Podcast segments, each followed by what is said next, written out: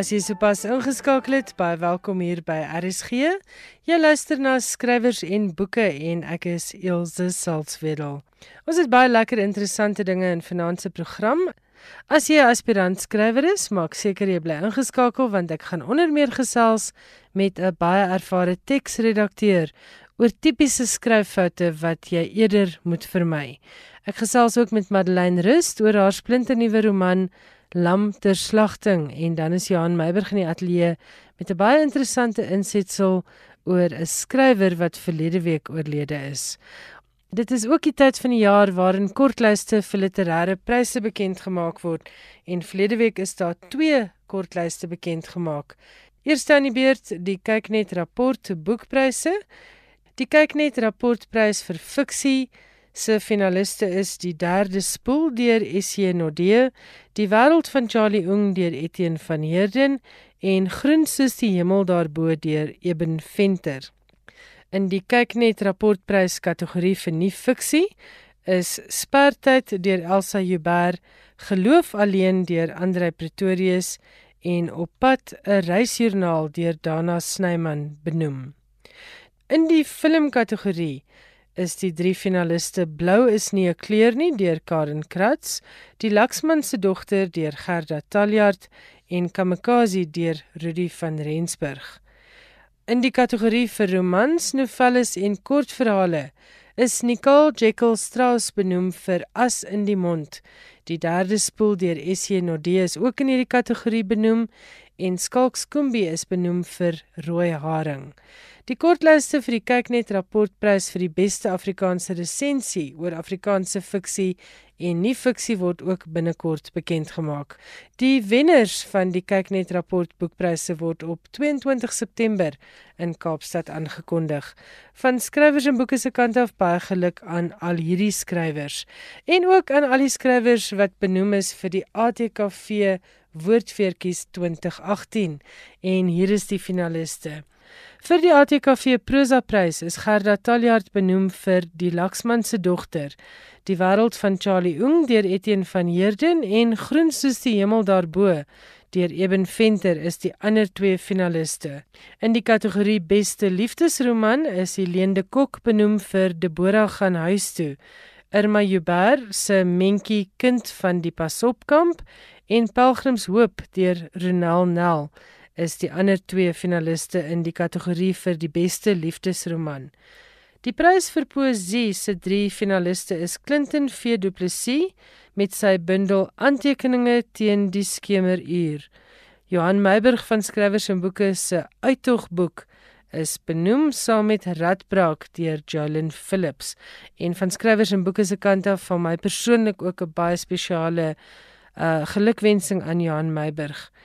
In die kategorie vir romanses, dit is die korter liefdesverhale, is die drie finaliste Dina Botha vir Alles is perfek, Didi Potgieter vir Liefde vir 'n ridder en Elsa Winkler se Bewustelik joune. In die kategorie vir die beste spanningslektuur is Chris Karsten se Koms van die Motman, Rudy van Rensburg se Kamikaze en Irma Venter se Sirkus benoem. Dan is daar ook 'n kategorie vir die beste dramateks. Daar is Denver Breda se Rocky, Deurnis deur Henk Heymans, Corneille Ber, Johan Smith, Sharin Swart en Bram van der Vyver en Nærens Noord-Kaap deur Nico Skeepers, die drie finaliste. In die kategorie vir nuwe fiksie van die ATKV Woordfeertjie 2018 toekenninge is Elsa Joubert se Spertyd, Andre Pretorius se Geloof alleen en Karel Skooman se Skepelinge, die drie finaliste. Ook aan die ATKV Woordfeertjie finaliste baie geluk met julle benoeming en die 31ste Augustus gaan ons uitvind wie is die wenners van die ATKV Woordfeertjies. Maar nou is dit tyd vir ons eerste gesprek. Geniet dit.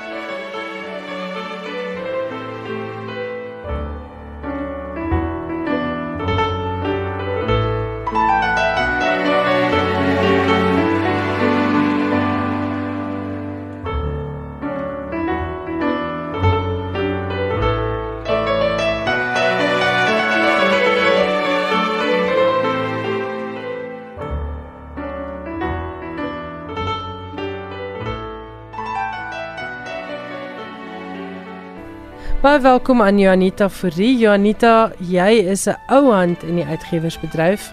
Hoeveel jaar is jy nou betrokke by boeke uitgee? Jong by boeke uitgee van 1989 af, maar voor dit het ek by die beeld gewerk en toe was ek op die redaksie van die Parkeraad se Kustos uh, tydskrif en toe het ek nou maar met die in die boekewêreld beland. Onder andere my literêre kennis het ek alles opgedoen by Home Literêr onder Etty Schools en Maritjie Kutse en jy weet daai groot name en ek het ontsettend baie by hulle geleer dinge wat ek elke dag in my loopbaan gebruik. En toe nadat die dinge baie verander het en hulle besef het vryskutwerk is vir die uitgewerye baie meer lonend as om iemand in die kantoor te hê die hele tyd, het ek vryskutwerk gedoen wat natuurlik nou beteken die mens kan tot in die oggend 12 uur in jou pantoffels sit en werk. Maar so werk ek nou vir baie uitgewerye en daar's uh, op verskillende vlakke wat ek werk en dan is dit natuurboek en dan is dit 'n boek oor beeldhou en dan is dit sommer net lekker lees boeke want ek is 'n boekvraat en dit is my fantasties om dit te doen. Ek het jou nou genooi, ek het jou een keer hoor praat by Lapa se skrywers en Daba want jy doen ook baie werk vir hulle. Soos jy sê jy werk vir 'n hele klompie uitgewers oor algemene foute wat skrywers maak want jy is 'n gesoute teks redakteur. So ek weet daar luister baie voornemende skrywers of aspirant skrywers of dalk selfs sukkelende skrywers na skrywers en boeke wat kan baat vind by jou raad. So wat is die algemeenste foute wat jy as teksredakteur deur die jare gesien het in manuskripte? Jong, daar's 'n hele paar. Maar die eerste ding wat ek altyd vir skrywers sê en wil sê, om fiksie te skryf is nie 'n kuns wat jy mee gebore word en dan het jy dit nou maar nie. Dit is 'n vaardigheid en 'n mens moet soos alle vaardighede moet jy dit leer en toepas. Daar is sekere woorde wat 'n mens in enige skryfwerk maar kan uitvee om jou teks sterker te maak en jou woordtelling te verminder. Want die idee van les is more is altyd maar daar. Dis gewoonlik onnodige woorde wat die tempo van die verhaal en dialoog verstadig. En wanneer mense hulle uithaal, is jou teks sommer dadelik meer afgerond en professioneel en dan lees dit lekker. Natuurlik moet 'n mens nie al die woorde uithaal nie en van die voorbeelde wat ek noem is iets wat ekstreem, maar ek glo julle sal snap wat ek bedoel. Een fout is nie 'n lekse nie, dis 'n noodsaaklikheid. Stroop dus jou teks van alle onnodige byvoeglike naamwoorde. Want dit is dan baie sleg om nou te hoor hierdie ou het sulke sterk arms en op bladsy 15 het hy weer sterk arms en op bladsy 20 weer en op bladsy 80 en dan raak jy dik vir sy sterk arms jy het dit mos nou al gehoor. En dan werkwoorde, dis die funksioneelste deel van 'n woord. As jou sin 'n masjien was, was jou werkwoord die engine. 'n Sin sonder 'n werkwoord is nie 'n sin nie. Natuurlik het neuwe skikkende bysinne en selfs frases 'n plek in fiksie, maar dit moet baie spaarsaam gebruik word. Dit moenie jou hele skryfstyl wees. Gaan nou soontoe. Gaan nou brood koop. Wil nie meer dit doen nie. En natuurlik nou die die uh voorwerp ook en die onderwerp. En onthou 'n werkwoord kom aan die einde van die sin. Skryf Afrikaans van A tot Z het 'n hele gedeelte daarin afgestaan en alles word glashelder daarin verduidelik. Janita is die werkwoord aan die einde van die sin. Is dit 'n reël wat uh onveranderlik is. Jong in 'n groot mate tensy jy die werkwoord nou hou vir die heel laaste en dan het daar ondertussen iets aangekom uh, wat jy nou sin ingeskryf het en dan ehm um, sien nou maar ehm uh, um, jy wil nou sê hy het verby die mans gegaan wat daar gestaan het. Maar dan sien jy nou sê hy het verby die mans ge gegaan wat daar gestaan en rook en drink en vloek en alles het maar hy het verby die mans wat jy weet dan wil hy da wat alles daai goeders gedoen het gegaan het. Jy weet as dit nou so op een oping dan dink jy net maar wat soek hierdie hierdie werk wat jy hier aan die einde van die sin maak dit nou alles dat jy vroeër wou sien dat jy dit nou al begin vergeet het? So dit dit is nie heeltemal kaas en staan nie maar dit is maar iets wat jy gerus kan doen. Maar partykeer moet jy maar dit vroeër in die sin sit, maar nie dit moenie jou styl word nie. Goed. Want dan is dit verkeerd. Nou kort en kragtig is die werkwoord by sinne. Lang sinne is naderhand so dat 'n mens verstrengel raak, jy raak verdwaal, jy raak heeltemal deurmekaar met die goeters. Eendag het 'n predikant gesê toe hy sy preek gewoonlik vroeër as gewoonlik afgesluit het: Blessed are the short-witted, for they shall be heard again. Dit is met skrywers ook so. Kort sinne lees maklik en het 'n groter impak as lang sinne waarin die leser verstrengel raak. Lees gerus Hemingway en Stephen King se boeke. Hulle gaan nie vir die lang sinne nie. Nou byvoeglike naamwoorde. Wees uiters spaarsaam met byvoeglike naamwoorde. Probeer om nie byvoeglike naamwoorde te gebruik wat bloot vertel hoe die skrywer wil hê ons moet oor iets voel nie. In steede daarvan om te vertel hoe verskriklik iets is, byvoorbeeld, dit was 'n verskriklike ongeluk. Beskryf liewer die toneel in al sy gruisame detail sodat die leser self doodbang kan word. Jy hoef nie vir hom te sê dit gaan iets vreeslik wees, jy moet nou doodbang wees nie. Ander woorde wat skrywers dikwels gebruik en wat eintlik muisvalletjies is, is as hulle sê: "O, dit was so grappig. Dit was skreeusnaaks. Van wonderlik, afskuwelik, ongelooflik." Dit is soos dit vir die skrywer is. Maar hulle sê eintlik vir die leser, ek gaan nie die detail beskryf sodat jy jou eie opinie kan vorm nie, want ek het mos gesê dis skreeusnaaks. Ons Engelse professor in Bloemfontein jare terug Prof Wiekie Moster het vir ons Vrystaatse Afrikaanse studente gesê 'n boek of 'n gedig moet die leser met 'n sense of awe laat. Met ander woorde, een of ander emosie wat jou asem min of meer wegslaan, soos vreugde, genoegdoening, vrees of enige ander gevoel. Hulle moenie voel o, okay nou, die ou het nou gesê dis nou so skreeu snaaks. So daar's nou eintlik fout met my want dit was nou nie vir my so lekker snaaks nie. Maar as jy dit in sy hande los, die leser is die een wat moet interpreteer, dan is jou boek baie suksesvol. En dit bring my ook by die natuurlike slot van 'n boek. 'n Mens sit nog so in redigeer die slot waar die held en die heldin mekaar se arms beland of in een se bed natuurlik. En die verloofring is aan die vinger gesteek en ek voel o wonderlik dis nou die einde van die boek. En dan kom die doring in my vlees in die vorm van 'n epiloog na 'n wonderlike natuurlike slot.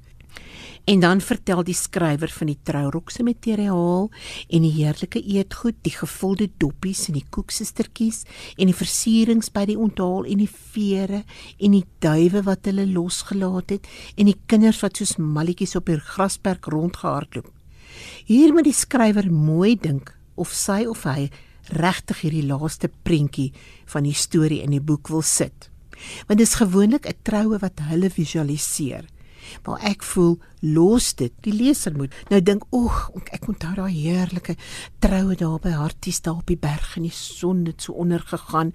En dan wil ek nou nie hoor van doppies wat nou met melktertvulsel gevul is nie. Maar jy het 'n mooi storie gehad oor Pieter Pieter se was Pieter ja, nee. vertel 'n ja. bietjie vir die luisteraars daardie storie. o dit was jare terug dit was nog by hom literêr geweest en sy sussie Maritjie het saam met my gewerk.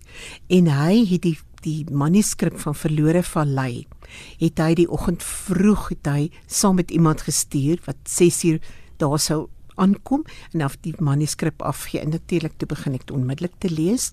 Dis 'n jeugverhaal. En teen die tyd wat die res van my kollegas en sy sussie Marike by die werk gekom het, toe was ek al so ek kon omtrent nie meer asemhaal, so was ek pap gehuil oor dit so ontsettend mooi was. En toe sê ek vir Maritjie, sê ek vir jong, o, oh, hierdie boek is fantasties, maar ek is nie so seker van die slot nie. En nou voel ek, joh, ek is nou besig om hier om eintlik op heilige grond te beweeg.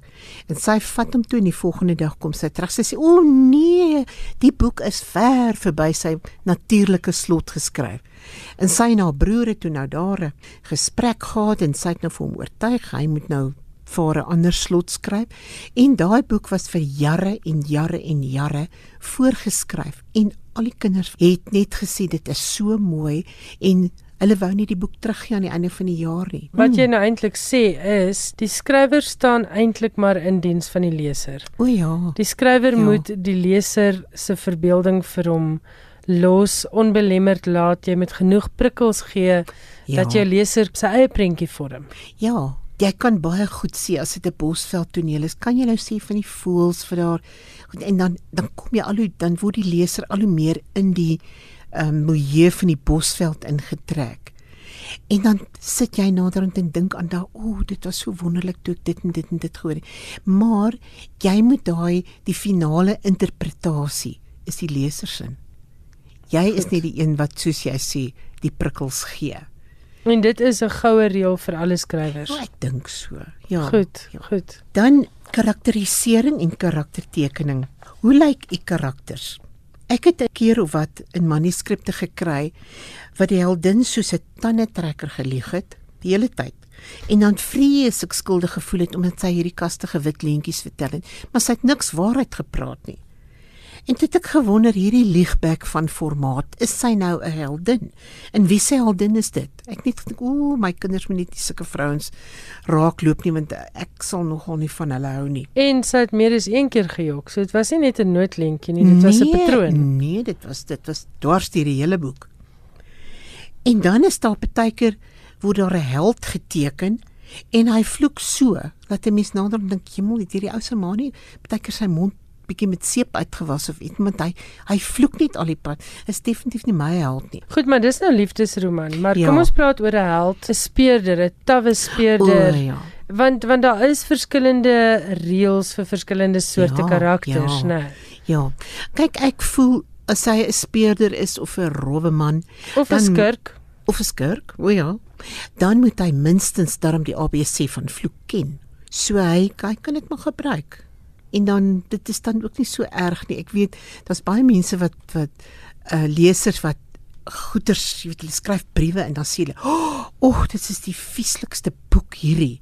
Maar dis net hulle is nie gewoond daaraan nie. Hulle ken nie sulke karakters nie. Ja, want 'n werklike skurk gaan nie noodwendig um Ja, hy gaan nie sê o my genigtig nie. alla mapsticks. O nee, hy gaan dit nie. Hy gaan baie ander woorde wat Ja. ja. meestal met 'n F begin. So dit is wat jy sê, dit moet pas by die soort karakter wat jy skep. Presies. Ja. Goed. Die helde en heldinne baie keer juis van die liefdesverhaalskrywers. Dan het hulle nou byvoorbeeld 'n held en dan elke keer as hulle 'n boek skryf, het hy net 'n ander kleur hare of sy oë is 'n ander kleur, maar dit is eintlik dieselfde ou van twee boeke gelede en 'n boek en drie boeke gelede en al sulke goed. Wat ek kan verstaan, want as ek moes skryf, ag Patrick Swayze sou oor en oor en oor herleef het. Maar 'n mens moet maar versigtig wees daarvoor. Maar met ander woorde wat jy sê is jy gebruik nou die voorbeeld van 'n uh, held, maar wat jy sê is elke skrywer moet homself met elke boek as dit ware heruitvind. Ja. Jy ja, moet nuwe dinge waag, jy moet nuwe karakters skep. Jy moet ja. tensy dit 'n reeks karakter is Ja. wat jy hy bly dieselfde maar die nuwe karakters en die mense wat sy pad kruis moet interessant bly vir die leser. En die mens raak lief vir so ou. Mm. Jy weet jy moet jy raak regtig lief vir so ou en hy kan met dieselfde wees in 20 boeke. Maar die ander karakters moet ander daar moet karakters ver- moet- verskeidenheid wees. Ja, ja. ja. moet die licorice all sorts wees. Goed, ja, dis 'n goeie beskrywing. Ja. Dan ken jou karakters en jou plekname. Maak vooraf 'n lys van die karakters wat jy gaan gebruik, name en vanne en hou dit maar soos 'n 'n kripnotes hier langs jou. En ook van die dorp waar hulle woon. Verkieslike fiktiewe dorp as jy nie daai dorp ken nie. As jy nou as ek nou besluit ek gaan nou, o, oh, hierdie ding kan op Pofadder gebeur, maar ek was nog nooit in my lewe op Pofadder nie. Dan praat ek dalk van 'n winkel wat daar is en dan is daar glad nie so 'n winkel nie. So as jy 'n fiktiewe dorp gee vir 'n mooi naam wat jy dink, dan niemand gaan daaroor navraag doen nie. Ja, want wat jy nou sê is belangrik. Uh, Mense dink nou aan byvoorbeeld Harry Kamer se boek oor Johannesburg, die 1000 stories van Johannesburg. Ja. En jy dink aan uh, Dion Meyer se Ja. 13 uur wat in Kaapstad afspeel en Irma Venter se Pretoria spanningsromans. Die hulle neem jou as dit ware op 'n reis deur die strate van daai Ja, stad en jy kan maar ja. gaan kyk die plek lyk so. Ja. Dan word wat jy ook sê is pas op om dinge vir jouself as skrywer moeilik te maak. Ja. Moet dit nie kompliseer Ja. deur so iets in te sit wat dalk foutief kan wees, wat dalk 'n leser kan Ja, irriteer nie. Maak ja. 100% seker. Ja. Goed. En ook op die plek waar die uh, waar die sinema stad of dorp geleë is. Een van my geliefkoestes is toe die paartjie die sonsopkoms, hulle was by die Weskus. Toe staan hulle by die see en hulle bewonder die sonsopkoms oor die see by die Weskus. En ag, dit was vir hulle so pragtig om die, die ronde vuurbal daar te sien opkom en Die al daai dinge. sonsopkoms aan die Weskus. Wag, wag. toe gaan die dag nou verby en daardie aand toe bewonder hulle dieselfde sons son se ondergang Ook in die see in. ook ook in die see. Toe nou ek met my soort van sin vir humor toe dink ek kyk daai son het ook maar 'n besige lewe. En dan kom hy op hier in die oggend vroeg 6uur en dan dink In ek die Weste. "Sjoe, aan die by die Weskus, by die Weskus. En dan sk- skiet hy oor en as hy by Beaufort Wes kom en dink hy, "Ag, ah, ek gaan dit nie maak nie." Dan zap hy terug en dan gaan gaan sakke weer by die Weskus. Ek ek weet dit is iets wat mense nie sommer aan dink nie, maar jy moet bedag wees op sulke Ja, want jou leser kan waarskynlik Ja. daaraan dink. En die ander een was toe iemand geskryf het van die die paartjie wat die middag 2 uur het hulle uit Pretoria vertrek op pad Kaap toe. Nou 2 uur. En toe het hulle in Bloemfontein gestop en brandstof ingegooi en bietjie geëet en alles en na aan 6 uur was hulle in die Kaap. Met 'n gewone kar. So weer eens maak seker van die klein klein jakkalsies dat hulle nie jou Ja. wingerd staan en verniel nie. Ja. En baie keer as die tolhekke ter sprake is, dan is hulle in KwaZulu-Natal, maar dan sit die Grasmeer tolplaza waardeur hulle ry. Wat net hier aan die kant Johannesburg Ja. is. Ja. Nou in sulke gevalle as jy nou nie presies seker is wat die, die tolhek se naam is en dit nie absoluut belangrik is vir die verhaal nie, skryf net oor die tolhek. Ja. En ek dink daar lê die sleutel. As dit nie absolute belangrike detail Ja. vir jou storie is nie, vermy dit eerder want jy kan in baie diep slaggate val. Ja. En iemand gaan dit onmiddellik raak sien. Ek het vanaand gesels met Janita Fourie, sy's 'n baie ervare teksredakteur en ons gesels volgende week verder oor allerlei skryffoute wat voornemende en sukkelende en selfs goeie skrywers maar gerus kan vermy. Janita, baie dankie. Baie dankie, Wilse. Skrywers en boeke elke woensdag aand tussen 8 en 9. Dis vir my baie lekker om vanaand weer vir Madeleine Rust in die skrywers en boeke ateljee te verwelkom. Hallo Madeleine, baie welkom hier by ons. Hallo Ilse, baie lekker om hier te wees. Ons praat oor jou 5de boek. Jy weet ek is 'n groot aanhanger van jou werk en Lamterslagting is iets wat my gefassineer het vandat jy vir my verlede jaar vertel het jy werk daaraan. Jy het vertel van jou navorsing daaroor, 'n fascinerende onderwerp, fascinerende boek. Vertel vir die luisteraars 'n bietjie van die tema en hoekom hierdie een waarskynlik 'n paar rimpels op die water gaan veroorsaak. Ja, en dit is weer 'n boek oor Renata Milan en haar span speerders en kuberkrakers. Uh, hulle word deur die polisie ingekontrakteer om hulle te help om 'n reeks moorde op te los. Nou daar's allerlei interessante dinge in hierdie boek, soos byvoorbeeld politieke onderstrominge. Daar is korrupsie. Ek vermoed goed soos kinderpornografie, mensenhandel, sadomasochisme en dan die vrymeselaars gaan 'n hele paar rimpels veroorsaak. Was jy nie bang om so kontroversiële tema te kies nie, want dit is iets waaroor mense eintlik maar altyd agter hulle hande fluister. Baie min mense praat ooit oor die dinge wat gesê word rondom vrymeselary en nou skryf jy 'n hele misdaadroman daaroor. Ek moet sê ek het 'n paar keer gedink voor ek vasbesluit het op die tema, maar ek het 'n bietjie navorsing gaan doen oor vrymeselary en dit dit is 'n absolute wonderlike onderwerp as jy misdaadfiksie skryf want daar is soveel geheimenisse nog rondom hierdie organisasie. Die internet wemel van inligting daaroor, maar daar is nog steeds 'n persepsie dat daar wel geheime teruggehou word. Ek het geweldig baie navorsing gedoen oor die vrymeselaars. Ek het begin om op te lees daaroor en ek het dit was 'n Saterdagoggend en ek ek het bloot net gesit en gedink, goed, ek gaan vir omtrent 'n halfuur daaroor lees. Maar die onderwerp is so fascinerend dat 5uur daardie middag was ek nog steeds besig om navorsing te doen daaroor. Die vrees vir die aanraak van hierdie kontroversiële onderwerp is 'n bietjie getemper deur die feit dat ek besluit het om albei kante van die saak te stel. Daar is mense wat sê daar is boosheid in die hoogste grade van vrymeselary, veral in, in die Skotse riete. En dan is daar ander mense wat op die oomblik in vrymeselary is wat dit afmaak as snert. Hulle lag vir hierdie ouens wat stories verkondig van boosheid. So ek maak dit baie duidelik in die boek dat dit nie noodwendig 'n bose organisasie is nie. As daar mense byvoorbeeld in 'n politieke organisasie is wat misdade pleeg, dan beteken dit nie hulle pleeg misdade omdat hulle verbonde is aan die politieke organisasie nie. Die mense siege is eienaardig soms en daar is boosheid wat in elke mens skuil en of jy nou 'n koeksustermaker is en of jy nou 'n aanhanger is van vroumeselary dit maak nie saak nie. As jy 'n bose mens is as jy 'n bose mens. So dis uiteindelik die ding. Hier is 'n baie baie bose reeksmoordenaar aan die werk in lamterslagting. Renate en haar span moet oudergewoonte weer die moorde oplos. Hierdie keer is die spannende faktor net dat hulle hulle vasloop in al hierdie geheimenisse en in mense wat mense beskerm. Dis reg, ja. En dan ook 'n misdaadskrywer vind dit deesdae moeilik om die leser aan die raai te hou vir 360 bladsye plus. Want die forensiese wetenskap het so gevorder dat dit baie moeilik is om 'n moordenaar te lank te laat wegkom met moorde.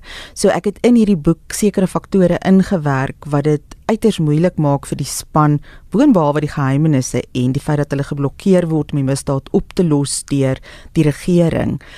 So daar's allerlei ander faktore wat dit uiters moeilik maak vir hulle om hierdie misdade op te los. Jy raak nou aan 'n baie interessante punt. Dit is moeilik om 'n misdaadleser aan die raai te hou want uh, daar's vir my twee redes daarvoor. Ons word toegegooi deur misdaadfiksie van reg oor die wêreld. Ons het regtig toegang tot van die beste misdaadfiksie ooit in die geskiedenis van die letterkunde. Dit is ook makliker deesdae met goed soos uh e-lesers en so jy kan 'n boek binne 'n klik bestel en ons het fantastiese misdaadreekse op televisie. So, hoe moeilik maak dit nou jou werk as misdaadskrywer? Vind jy dat jy wanneer jy met lesers praat agterkom jo, jou leser is baie slimmer as wat jy gedink het. Absoluut. 'n Misdaadfiksie leser is hoogs intelligent en dit is baie maklik om hulle te laat voel dat hulle intelligensie onderskat word as jy nie uiters slim te werk gaan met jou vals leidrade en die forensiese aspek daarvan want hulle weet hierdie goed dan kry jy mense reekse soos um CSI wat ruimte-eeuse tegnologie het in terme van die forensiese wetenskap. Goed wat nie werklik bestaan nog nie maar dit word in kykers se kele afgedruk as die werklikheid. So mense moet daai goed in gedagte hou wanneer jy praat oor die forensiese wetenskap die leser weet geweldig baie en dit is waarom navorsing so belangrik is ek werk saam met 'n forensiese patoloog uh, wanneer dit kom by die forensiese bewyse wat ontbloot word wat op die ou einde lei of help om die misdaad op te los. Ek het 'n paar idees gehad vir die boek wat sy vir my gesê het nie Madeleine regtig waar. Dit is nie hoe dit in die werklike lewe werk nie. En ek moes die deel oorskryf. En toe ek heeltemal klaar is met die manuskrip het ek dit ook vir haar gegee en sy het uh, nadat sy deurgelees het, het sy vir my gesê, "Goed, hier's 'n paar goed wat nie sin maak nie. Dis goed wat sy gemis het toe ek vir haar my grillerige vrae gevra het en ek moes aan die manuskrip verander sodat ek kan voldoen aan die werklikheid en sodat ek hierdie intelligente misdaadfiksie lesers nie teleurstel nie. Ek het nou die dag by 'n funksie met jou man gesels en hy sê toe hy raak nogal bekommerd as hy sien oor wat se so goed e-pos jy jou kenners wat jy vir navorsing gebruik Hy is altyd bang iemand kom af op hierdie eposse sonder om die konteks te verstaan en dan sien hy 'n diep moeilikheid. En hy het ook gesê hy is baie bekommerd dat jy altyd op soek is na um, inligting oor die donker web om te gebruik in jou misdaadromans. Vertel 'n bietjie van daai ander aspekte van jou navorsing.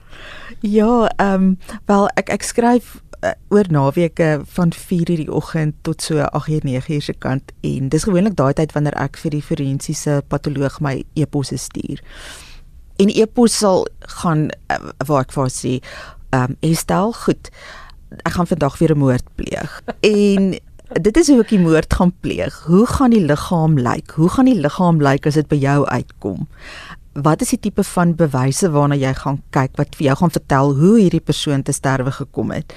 En dan sal sy vir my 'n e-pos terugstuur en sy vir my maar sê Madeleine, goed. Kom ons praat nou eers oor die die hoeveelheid bloed wat op die toneel gaan wees. Hoe die bloedspatselpatrone gaan lyk. So, ek dink as die polisie my e-posse sien wat ek en die stel een en weer vir mekaar skryf, dan sal hulle vir my stadig maar seker begin dophou en hulle gaan probeer seker maak dat ek nie werklik moorde pleeg nie want dit is grieselrig. Al wat ek kan sê is namens al jou aanhangers, ons sal 'n petisie opstel, ons sal dit na die hoogste gesag neem, ons sal dit op die internet versprei en ons sal vir jou reiswater tronk te bring. Hoor, jy hoef nie bekommerd te wees nie.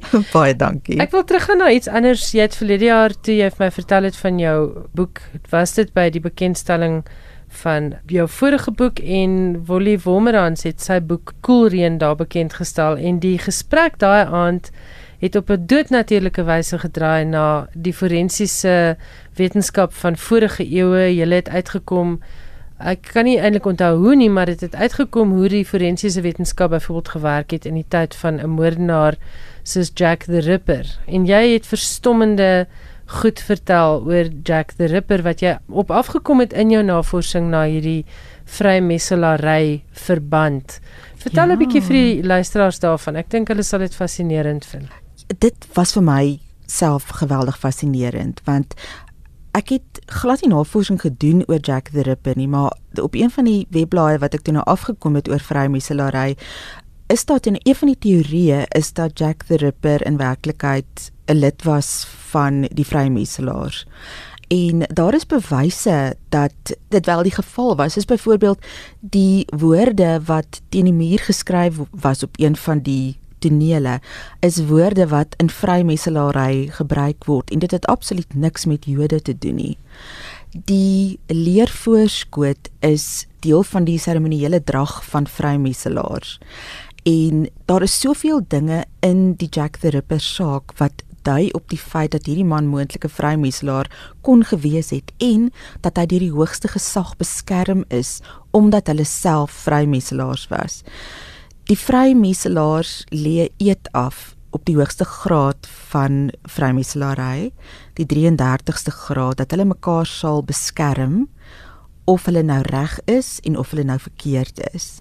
So as jy op daardie graad is en jy pleeg 'n gruisame moord, en daar is polisiemanne of iemand in die regering of 'n koninklike of wat ook al en hierdie persoon behoort aan die organisasie dan sal jy beskerm word. En, en dis mos maar hoe dit eintlik nou nog in die politiek ook werk en in die wêreld werk. Mense beskerm mekaar nie omdat hulle die persoon se daad goedkeur nie, maar omdat die persoon lid is van hulle politieke party, beweging, bende, wat ook al mense deesdae in in moderne terme kan vergelyk. Absoluut, absoluut. Jy het byvoorbeeld vertel en dit was vir my fascinerend want dit wys ook vir jou dat korrupsie en geheimhouding en toesmering eintlik so oud soos die mensdom self is. Ons is geneig om in ons Suid-Afrikaanse situasie dit met 'n sekere politieke party of twee te assosieer, maar jy het vertel dat die polisiehoof in Londen daardie tyd en dit was in die 18 Hoe uh, wat se jaar was dit omtrent? Ek is nie doodseker nie. Dit was dit was in die 1800s, ja. ja. Het die polisiehoof was heel eerste op daai moorde. Wanneer een van daai spesifieke rituele moorde gepleeg is, was die polisiehoof van Londen op die toneel voor enige ander polisieman.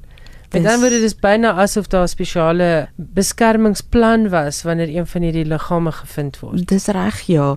En die polisie op die toneel is beveel om die woorde van die muur af te was byvoorbeeld. Wat 'n belangrike bewys is. Wat 'n baie belangrike bewys was. Die rede wat gegee is is omdat hulle nie die antisemitiese sentiment van daardie tyd wou wou aanwakker nie. Maar dit maak glad nie sin nie, want dit is nog steeds baie sterk bewyse op 'n moordtoneel.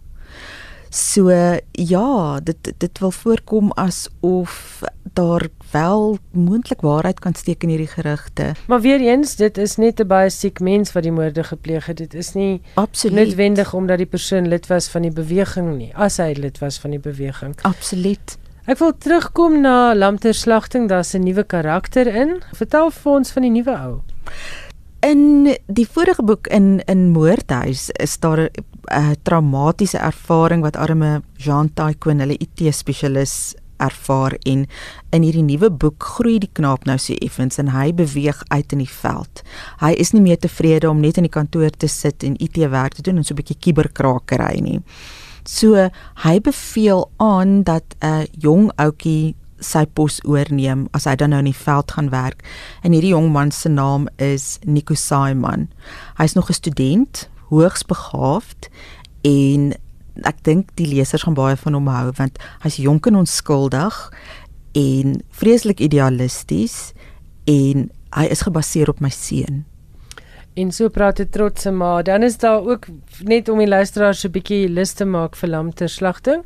Jy het 'n ander verrassende element ingebring, 'n autistiese savant speel ook 'n groot rol om hierdie moorde opgelos te kry, maar ons wil nou nie verder geheime weggee oor lamterslagting nie. Vertel net vir my kom Renata en Stefan bymekaar uit, want ek dink dit is nog 'n vraag wat aanhangers van jou vorige 5 boeke sal vra. Ongelukkig kan ek daai vraag nie beantwoord nie want die ja? lesers vra my die hele tyd en hulle sal maar self moet lees. En werk jy aan 'n opvolg? Is boek nommer 6 aan die gebeur?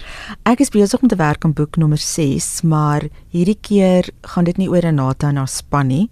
Hulle is besig om vakansie te hou. Hulle gaan so vir 2 jaar op vakansie wees terwyl ek werk aan hierdie nuwe boek en ek hoop nie die lesers gaan baie kwaad wees vir my nie want ek weet hulle is baie lief vir Renata en Stefan, maar die volgende boek gaan regtig vrek interessant wees.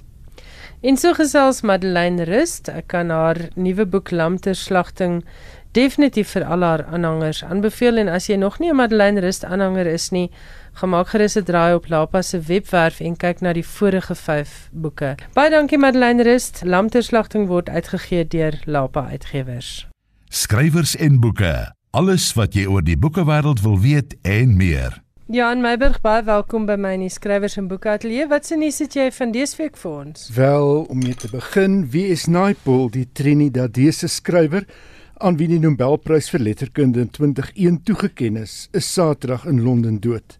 Hy was 85. Vidyadhar Suraj Prasad Naipaul, wat na homself verwys het as 'n barefoot colonial, was 'n skrywer wat nie teruggeduins het vir omstredenheid nie. En in die proses het hy heelwat vyande gemaak. Hy het sonder om te skroom gesê wat hy dink. Hy het onder meer in sy woorde die rampspoedige effek van Islam vergelyk met kolonialisme en ook gesê hy kan op grond van 'n paragraaf of 2 bepaal of 'n skrywer 'n man of 'n vrou is. Sy afkeer van die Wes-Indiese eilande, Afrika en Indië het daartoe gelei dat kritici gemeen het hy sien neer op die ontwikkelende wêreld.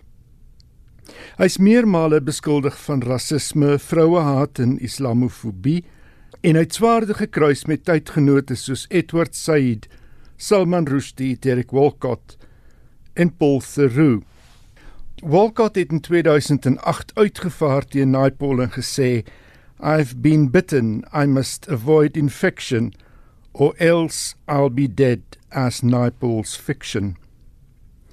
Die jarelange fete tussen Naipaul en Thoreau het in 2015 eers tot 'n einde gekom toe die twee deur die toedoen van Ian McEwan op die Hay Letterkunde Fees versoen geraak het.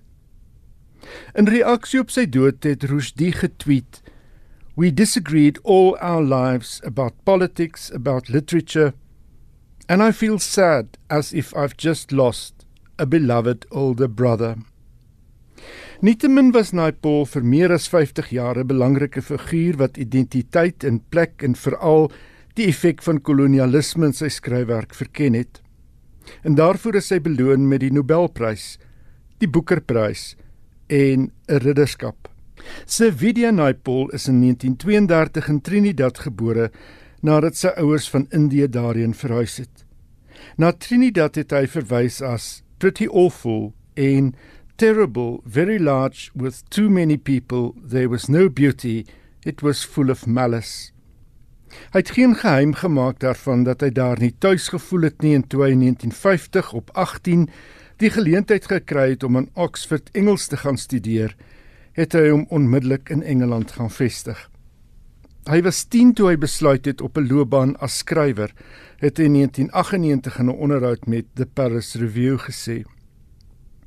Hy het later by die BBC begin werk en aan sy eerste roman begin skryf, The Mystic Masseur. Die roman het in 1957 verskyn. Maar dit was sy roman van 1961, A House for Mr Biswas, geskoei op die lewe van sy pa, waarin hy meer deernis kon hê oor die lewe in Trinidad. Hoewel hy neergesien het op die omstandighede in die land, het hy besef die land en sy mense is 'n rykdom waaruit hy in sy skryfwerk kon put. Na Biswas het gevolg A Bend in the River en In a Free State, die boek waarmee hy in 1971 die Booker-prys gewen het. Sy tegniese virtuositeit het duidelik uit die romans gebleik en die einste Walcott wat op die Wes-Indiese eiland St Lucia gebore is, het inderdaad na hom verwys as ons beste formuleerder van die Engelse sin. Naipaul het inderdaad uitgeblink in sy formulering van sinne wat vlamskerp is, sonder enige wollerigheid en met liriese eenvoud.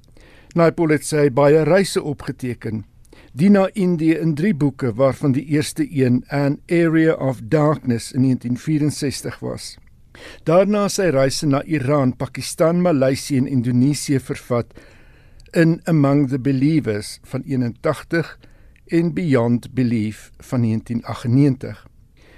Said het Naipaul gekritiseer vir sy eenoogigheid dat hy die belang en bydrae van Islam in Latyns-Amerika, Afrika, Indië en die Karibiese wêreld geïgnoreer het. En ek haal aan in favor of the tritest, cheapest and easiest of colonial mythologies about wogs and darkies. Oor die en ander kritiek het Naipaul in 2008 in 'n onderhoud met Observer gesê: As ek die goed lees, vind ek dit uitermate vermaaklik. Dit maak my hoegenaamd nie seer nie. Hier lees wie is Naipaul uit Away in the World, sy roman van 1994. He wrote of them with the utmost seriousness. He gave them families, backgrounds. He treated what they said without irony. Nothing like this had been written about local people before. He wrote of them as though they were English people, as though they had that kind of social depth and solidity and rootedness. It was well intentioned, but it was wrong. Some of the people he wrote admiringly about, like certain lawyers and teachers, were even embarrassed by Foster Morris's misplaced social tributes. What was missing from Foster Morris's view was what we all lived with, the sense of the absurd, the idea of comedy, which hid from us our true position. The social depth he gave to ordinary people didn't make sense. That idea of a background and what it contained, order and values and the possibility of striving, perfectibility, made sense only when people were more truly responsible for themselves. We weren't responsible in that way. Much had been taken out of our hands. We didn't have backgrounds. We didn't have a past. For most of us, the past stopped with our grandparents. Beyond that was a blank. If you could look down at us from the sky, you would see us living in our little houses between the sea and the bush, and that was a kind of truth about us, who had been transported to that place. We were just there, floating. Dit was die stem van W.S. Naipaul en hy het voorgeles uit A Way in the World, sy roman van 1994. Hy was taamlik uitgesproke na Johan. En as jy gaan lees oor W.S. Naipaul, is dit 'n kwessie van mense waardeer sy letterkundige bydrae maar dat hulle van hom verskil het soos wat Salman Rushdie mm. gesê het dit staan soos 'n paal bo water en mens wonder altyd met sulke mense of dit 'n geval is van die kat in die hoenders gooi omdat hy dit werklik baie geniet om die die mense se hare verkeerde kant toe te vryf en of dit werklik altyd net sulke sterk standpunte Ja. Wat het jy afgelei? Wat het jy afgelei uit? Wel, wat wat vir my interessant was, was die hele opgesuigdheid as dit ware in die Britse samelewing.